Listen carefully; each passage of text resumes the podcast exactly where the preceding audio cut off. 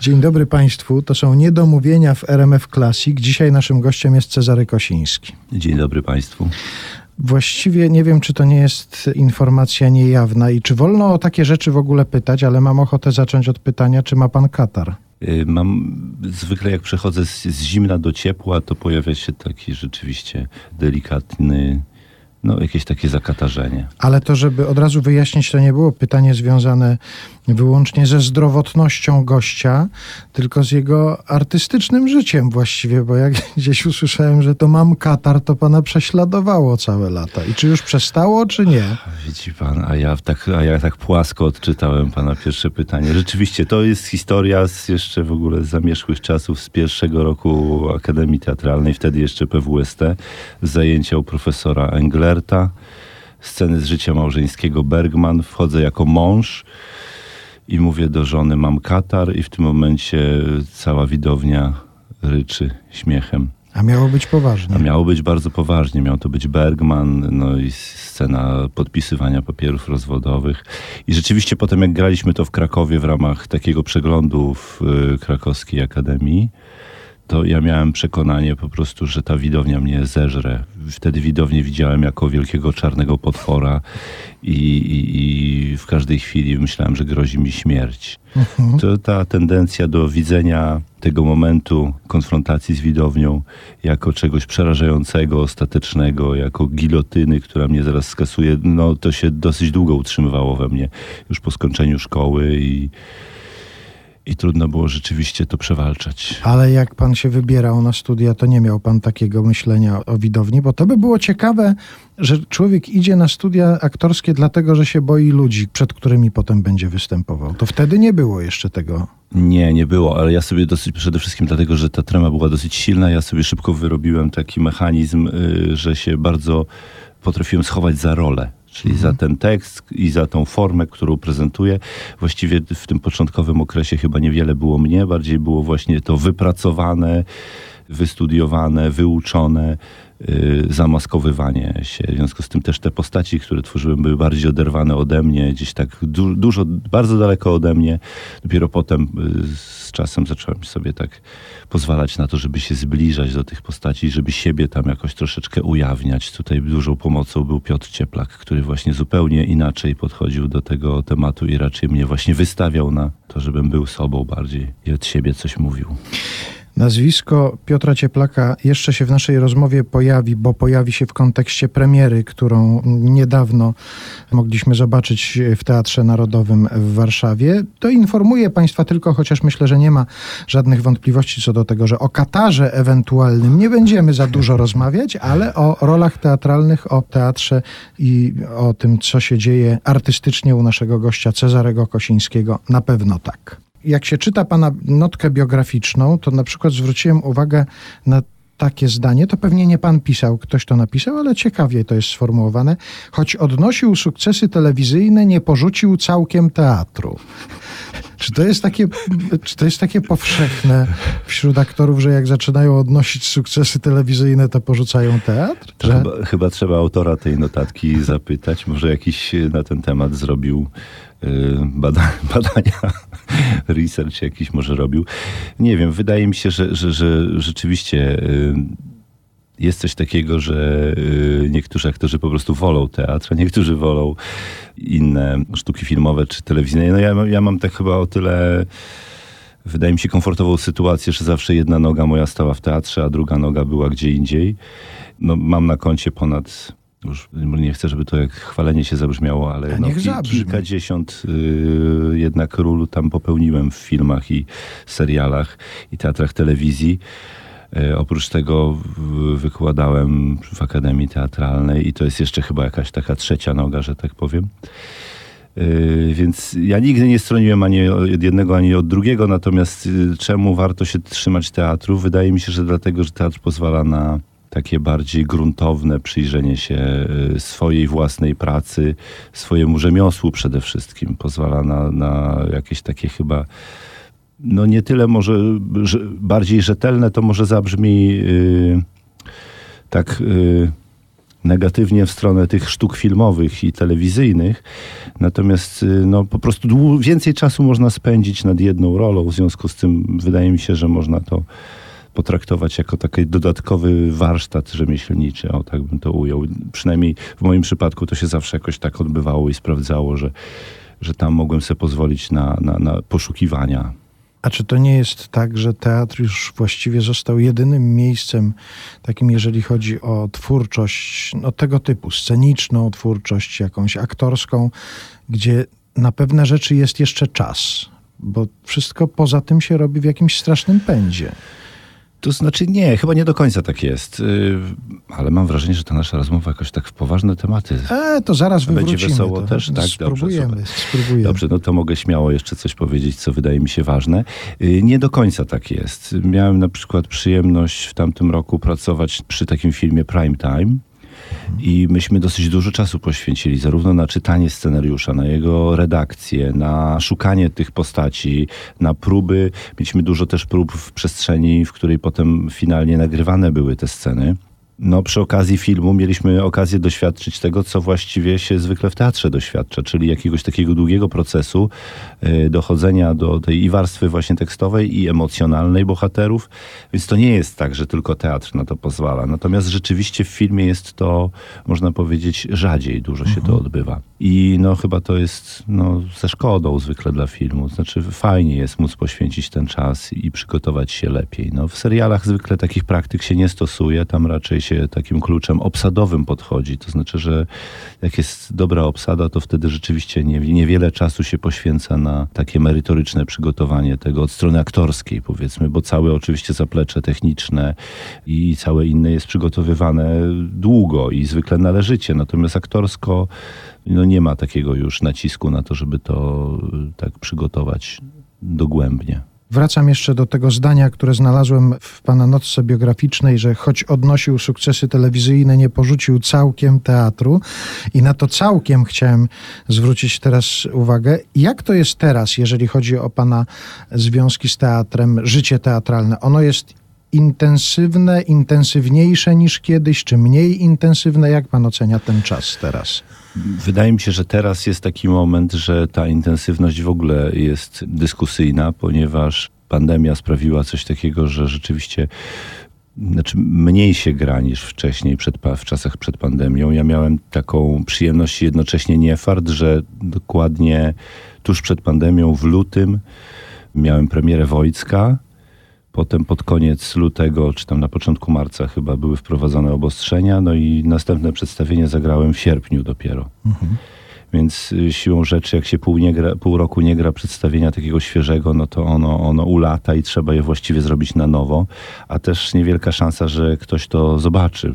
No i na przykład dużo pracy włożonej w to przedstawienie troszeczkę uleciało. Ale jak tak patrzę, no bo już nie wiem, czy to już jest czas na podsumowanie, ale w końcu 25 lat temu Ale koniec roku to zawsze jest czas na podsumowanie. 25 lat temu skończyłem szkołę teatralną, więc jakiś moment to jest na podsumowanie.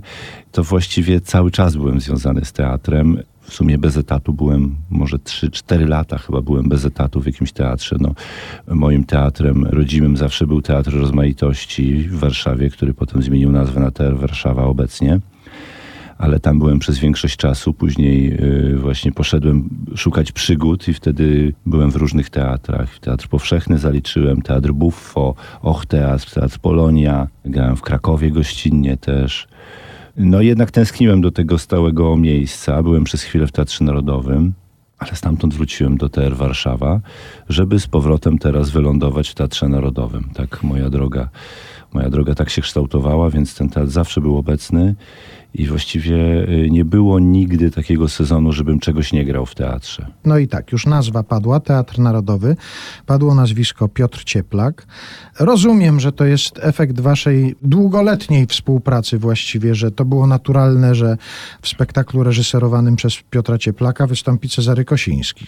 Czy no, nie? No to znaczy, Czy a, trzeba aż, tak, było aż, aż tak bym tego nie określał, że to było naturalne. Co prawda, rzeczywiście z Piotrem Cieplakiem współpracowałem już chyba z około 10 spektakli wspólnie zrobiliśmy. No to nie są przypadki. To nie są przypadki, natomiast y, to nie jest tak, że, że w każdym spektaklu Piotra Cieplaka gra Cezary Kościński, bo, bo Piotr Cieplak ma całą masę spektakli bez Cezarego Kościńskiego i świetnie sobie radzi, prawda? A to I, jego i, trzeba zapytać. I to działa w obie strony. Nie, nie, świetnie sobie radzi. Widziałem ostatnio chyba jego z Legnicy spektakl Wyzwolenia, który był naprawdę bardzo dobry. Ostatnio, no to już ze trzy lata temu chyba, ale... Natomiast rzeczywiście, no, z okazji tego, że robiliśmy tego Wojcka, to też był, też Piotr Cieplak popełnił tego Wojcka. No teraz jak tak wydaje mi się, że no jesteśmy rzeczywiście w jakimś takim dobrym kontakcie i, i, i czy mogło mnie zabraknąć? No pewnie nie, skoro jestem. Skoro jestem. Ja się też nie wahałem, ponieważ praca z Piotrkiem to jest zawsze komfort. Przede wszystkim jakiś duży taki komfort tego, że ten reżyser po pierwsze omija wszelkie tematy, o których teraz jest głośno. Nie jest to człowiek przemocowy, przede wszystkim nie jest to człowiek w żadnym sensie naruszający.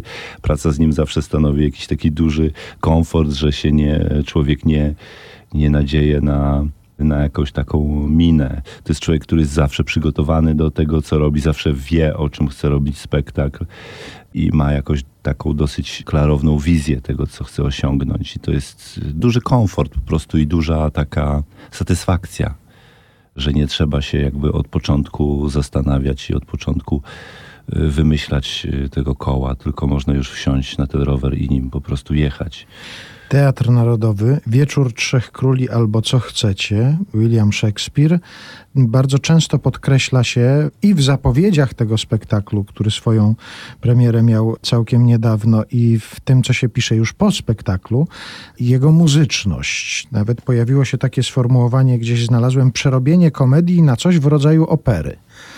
Jak się śpiewa Szekspira? Jak się panu śpiewa Szekspira? No, jak mi się śpiewa, to jest bardzo dobre pytanie. Zawsze chciałem śpiewać, a mhm. jak wiadomo, śpiewać każdy może, tylko jedni trochę gorzej.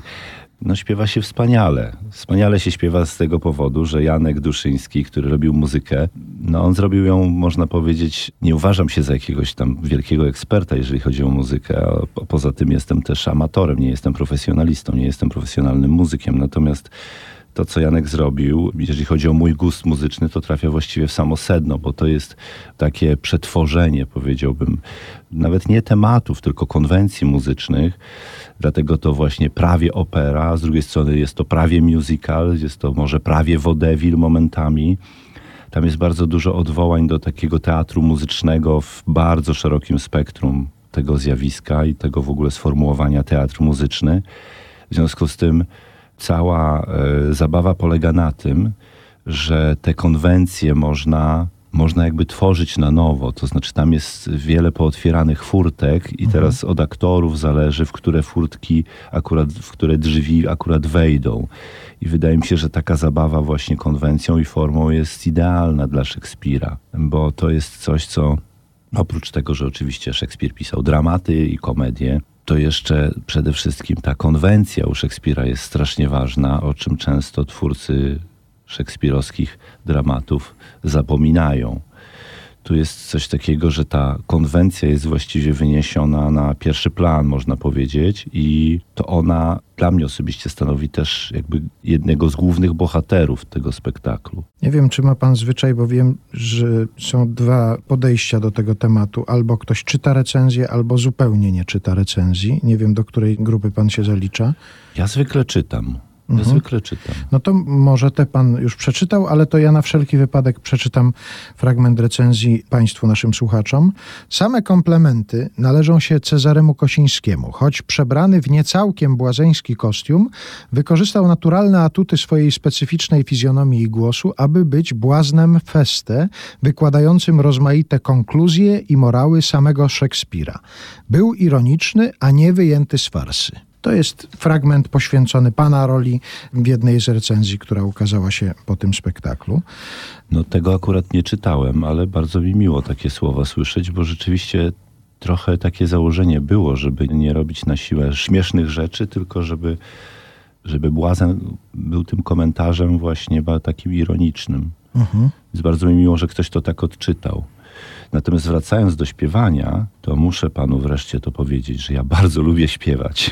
Tylko, że właśnie cała rzecz polega na tym, że jestem amatorem, który został postawiony wobec profesjonalnych muzyków, którzy są no, po prostu muzykami. Jak mówią, proszę od 76, to grają i grają dobrze i grają w punkt. To, A pan nie trzeba. wie, co to 76? A ja tak no, orientuję się mniej więcej po czterech taktach, że aha, to jest to. Natomiast to zawsze we mnie wzbudzało jakiś taki podziw i trochę też zazdrość, ponieważ ja jestem niedoszłym muzykiem. Zawsze marzyłem o tym, żeby być muzykiem. W młodości uczyłem się grać na gitarze, ale no, skończyło się to na graniu amatorskim po prostu. Dlatego zawsze we mnie wzbudza podziw ten rodzaj profesjonalizmu i rodzaj takiego rzeczywiście precyzji precyzji. To jest niesamowite, że muzyka w tej swojej precyzji potrafi przenosić emocje, potrafi przenosić wrażenia. Dla mnie to jest coś niezwykłego. Ja zawsze tego szukałem też w teatrze, ponieważ nie, teatr... Właśnie, a nie spotkał pan muzyków, którzy uważają, że coś niezwykłego jest w tym, jak aktor potrafi precyzyjnie rolę O, podprowadzić? oczywiście, że spotkałem. Też tutaj przy okazji tego właśnie spektaklu również.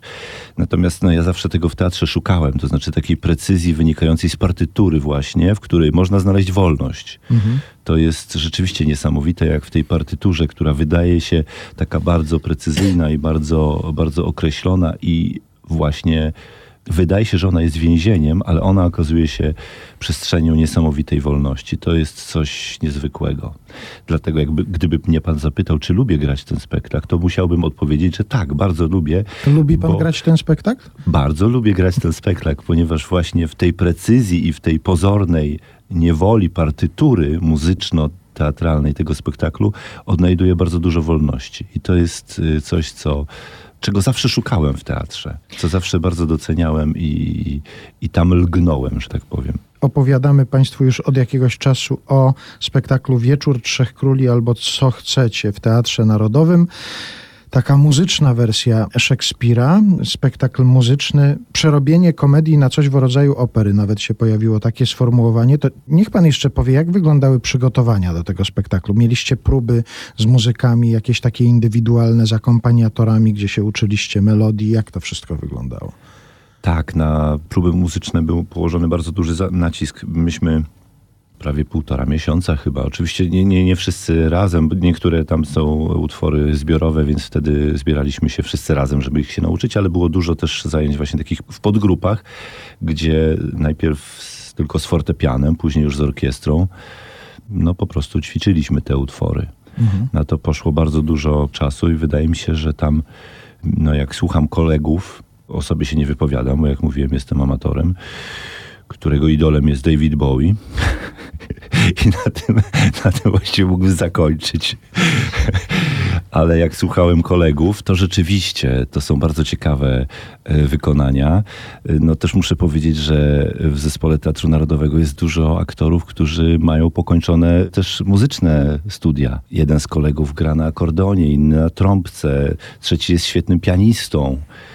Dziewczyny śpiewają bardzo, no tam jest naprawdę naprawdę jest w czym wybierać, jeżeli chodzi o takie muzyczne konotacje. A pan na tej gitarze sam się uczył? Czy ktoś pana uczył?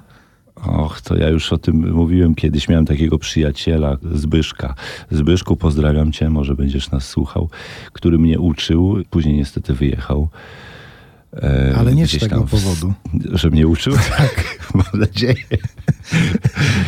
tak, mieliśmy nawet taki amatorski zespół, ale nic z tego nie wyszło. I potem, jak poszedłem do szkoły teatralnej, to już ta gitara musiała pójść w kąt, gdzieś w odstawkę. No teraz mam na przykład fazę na syntezatory, więc gram sobie w domu na syntezatorach, ale w dalszym ciągu jest to, uważam to za, za, za tylko hobby, za amatorską sytuację. Ale też jest pan syntezatorowym samoukiem? To znaczy ma pan Tak, na tak. podstawie tego, co pan w internecie zobaczy na przykład? Uczy się pan na tym syntezatorze? Na Czy... podstawie tego, że kładę rękę na klawiszach i, Ale trzeba i wiedzieć, potem po na który- ośmiu godzinach jakoś tam już udaje mi się zagrać. No ale trzeba wiedzieć, na który klawisz trzeba nas, nacisnąć. No, tak, tak, trzeba wiedzieć. A jeszcze będę z uporem maniaka wracał do tej gitary. To co pan wtedy, jakie utwory? No David Bowie to już wiemy, że był idolem, ale co pan grywał? Kazik też tam był grywany? Był, był Kazik, ale pierwsza faza to był Leonard Cohen przede Aha. wszystkim. Jeszcze w tłumaczeniach Zębatego oczywiście. Mhm. Potem Dire Straits na przykład. potem Van Halen, jakieś takie Santana, jakieś takie rockowe klimaty. No i oczywiście Pink Floyd, niezmiennie do dzisiaj. Takie rzeczy to były. A na syntezatorze co teraz pan próbuje A zagrać? właśnie na syntezator, bo już te, teraz już się wyluzowałem i już nie mam ambicji, więc gram swoje. Aha, Gram swoje i w ogóle mnie to nie przejmuje, czy to jest dobre, czy niedobre, po prostu mam fan z tego. Mhm. I właśnie tak to też próbuję w tym spektaklu robić trochę, żeby mieć przede wszystkim fan, a nie, a nie jakby cały czas się pałować i oceniać, czy ja umiem śpiewać, czy ja nie umiem śpiewać. Tylko żeby, żeby w sumie jakoś tam przekazać jednak myśl, która się kryje za tą piosenką błazeńską. No ale sądząc na przykład po recenzji, którą przeczytałem przed chwilą, to pan umie na tyle, że robi to wrażenie. Ten recenzent, którego zacytowałem na końcu swojej recenzji napisał, że wstał do oklasków. To też świadczy o tym, że cały spektakl bardzo mu się podobał. Zatem niech pan się nie ogranicza z tymi syntezatorami może. Oj, bo wydam płytę. To zabrzmiało groźnie. Oj, O, bo tak, wydam- złowieszczo. Jak już zaczęliśmy sobie o wątkach muzycznych, to jeszcze o to muszę zapytać, a nie korciło nigdy, żeby na przegląd piosenki aktorskiej do Wrocławia się wybrać? Nie. To jest konkretna, jasna, prosta odpowiedź. Chciałem pana jeszcze zapytać o pierwszą daleką podróż, jaką pan pamięta w swoim życiu. Zaraz wytłumaczę z jakiego powodu. Co pan uznaje za pierwszą daleką podróż w swoim życiu? Wiem, że radio nie znosi ciszy i że muszę coś Ale ona odpowiedzieć. jest, ona jest bardzo znacząca. Ona jest bardzo znacząca, jeżeli to trzeba się nad tym zastanowić. Oczywiście e, od razu mi się mieszają poziomy, na jakim poziomie mam, mam odpowiedzieć, ale chyba pierwszą myślą, jaka mi przyszła do głowy, to jest taki poziom e, najprostszy. To znaczy, chodzi mi o podróż, jak w, miałem 15 lat, wyjechałem do Francji. I To taka byłem- wakacyjna podróż? Tak To była taka, y, byłem harcerzem. Mhm. Pojechałem, jakiś taki, to był pierwszy moment jakiejś takiej chyba, nawet nie odwilży, ale jakoś tak, że nagle się zaczęło wyjeżdżać, bo wcześniej były wyjazdy tylko do, do NRD, a tu jakoś nagle pojechaliśmy do Francji. Pamiętam wtedy, że ta Francja zrobiła na mnie olbrzymie wrażenie. Byłem w To był Paryżu. który? 88 rok? Gdzieś końcówka 80 lat, y, tak? y, Tak. Tak, wakacje 88 roku. Byłem w Paryżu, byłem w Bordeaux, byłem pod Bordeaux w Blanquefort, taka jakaś, jakiś taki zamek z winnicą i potem masyw centralny, namioty gdzieś w środku lasów i gór Francji. To było y, jakieś niezwykłe przeżycie. Wyrwać się wtedy z tego. Ja jestem dzieckiem komunizmu jeszcze. Mhm. Jeszcze pamiętam PRL bardzo dobrze i, i wtedy dla mnie wyrwanie się tam do jakiegoś takiego innego zupełnie świata było mm, dosyć mocnym przeżyciem. A już teraz tłumaczę, dlaczego zapytałem o te dalekie podróże, bo jak sobie zacząłem przeglądać pana biografię i w tej biografii pojawiają się trzy nazwy miejscowości. Bielsk Podlaski, w którym się pan urodził, Brańsk, w którym pan spędził dzieciństwo i Ciechanowiec, Tak. gdzie do szkoły średniej.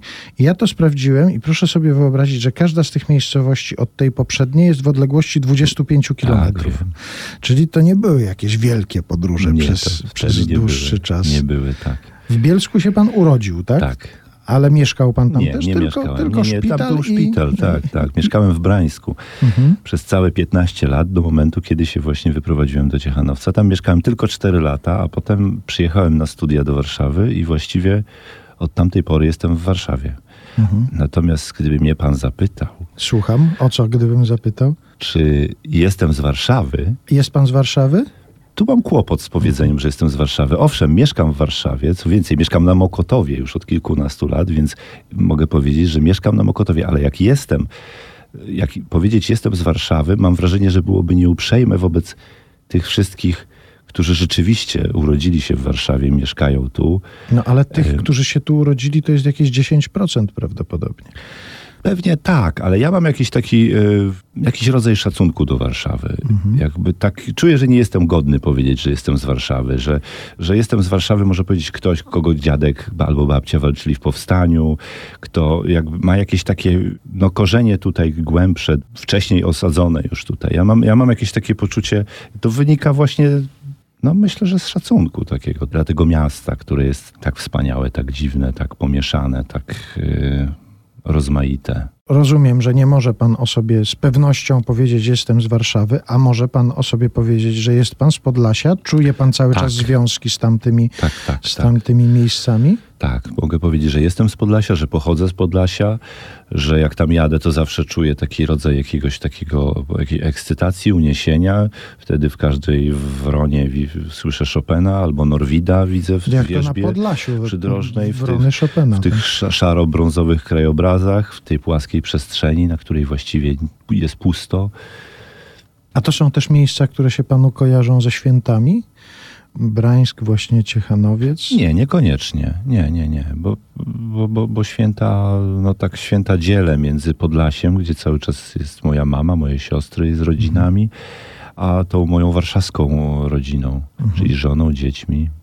Nie, nie, nie mam czegoś takiego. Raczej Podlasie mi się kojarzy z taką, że a, to pojadę sobie, z taką niezapowiedzianą i nie, nie, nie jakąś zaplanowaną wizytą tam. Ucieczka w takie miejsca też czasami, czy... Jakiś rodzaj ucieczki na pewno. A ma pan w ogóle takie miejsce, do którego pan ucieka, jak już jest za dużo pracy, za dużo stresu jakiegoś? Od jakiegoś czasu mam. Y, Jest takie miasteczko na Dolnym Śląsku, nazywa się Sokołowsko. To jest niedaleko Wałbrzycha. Mhm. I to jest takie wspaniałe miejsce, do którego rzeczywiście często jeżdżę i Ale tam to sobie jak, odpoczywam. przepraszam, jak z Podlasia przez Warszawę pojawił się panu Dolny Śląsk? A szereg zbiegów okoliczności, ale być może nic nie dzieje się przypadkiem. Mhm. Tak się złożyło, że, że przyjaciółka mojej żony tam z jakiegoś powodu wylądowała i zachęciła nas do tego, żeby tam przyjechać. Jak pojechaliśmy raz, to już się nie mogliśmy, nie mogliśmy już się wynieść stamtąd. No bo teraz staram się zastanowić, czy jakiekolwiek podobieństwa pomiędzy Brańskiem a Sokołowskim można znaleźć. Chyba nie. Chyba muszą być inne. Chyba nie. Ale to może ta różnica pana pociąga w tym, także to jest tak inne. W jakimś sensie, ale przede wszystkim tam jest po prostu bardzo pięknie. Mhm. Tam jest bardzo pięknie. Sokołowsko to jest takie miasteczko, które kiedyś było, można powiedzieć, uzdrowiskiem. Ono było jeszcze, no to było właściwie pierwsze takie uzdrowisko w Europie, założone przez doktora Bremera, przez Niemca, który tu przyjechał i założył takie właśnie, taki właśnie ekskluzywny kurort. Choroby płucne tam się leczyło. Podobno Davos było na tym wzorowane. Więc to jest takie miejsce z jakąś taką olbrzymią tradycją, ale też samoukształtowanie terenu. To wszystko, co się dzieje dookoła, czyli góry, lasy i niesamowity mikroklimat, to sprawia, że tam jest, no, warto tam przyjechać, pooddychać po prostu. To jest miejsce, z którym Kieślowski, Krzysztof Kieślowski był związany przez jakiś czas tam. Przybyło, gdy jego ojciec był chory właśnie na, na gruźlicę bodajże. Cezary Kosiński dzisiaj u nas w Niedomówieniach w RMF Classic. My trochę powiedzieliśmy o pana fantazjach muzycznych, syntezatorowo-gitarowych. Trochę porozmawialiśmy o teatrze, a właściwie i tu ktoś może mieć do nas o to pretensje, że nie rozmawiamy o, o filmie i o tym, że choć pan całkiem nie porzucił teatru, to jednak e, sukcesy telewizyjne pan odnosił czy odnosi. Właśnie, czy coś w tych sferach teraz dzieje się takiego, co, co jest dla pana jakoś bardzo angażujące, jeżeli chodzi o film, czy jeżeli chodzi o jakieś telewizyjne przedsięwzięcia? W tym momencie mam chwilę przerwy, ale oczekuję na premiery dwóch seriali, które będą dostępne w Netflixie. Właściwie to nawet nie wiem, czy ja mogę za tym, o tym za dużo mówić. Więc podam Jeszcze jest tajemnica? Czy to jest chyba jeszcze tajemnica. Więc może po prostu będę zaproponuję, żeby ci, którzy są zainteresowani, żeby śledzili remówki Netflixa i to, co tam się będzie działo. No Myślę, że już na wiosnę. Mhm.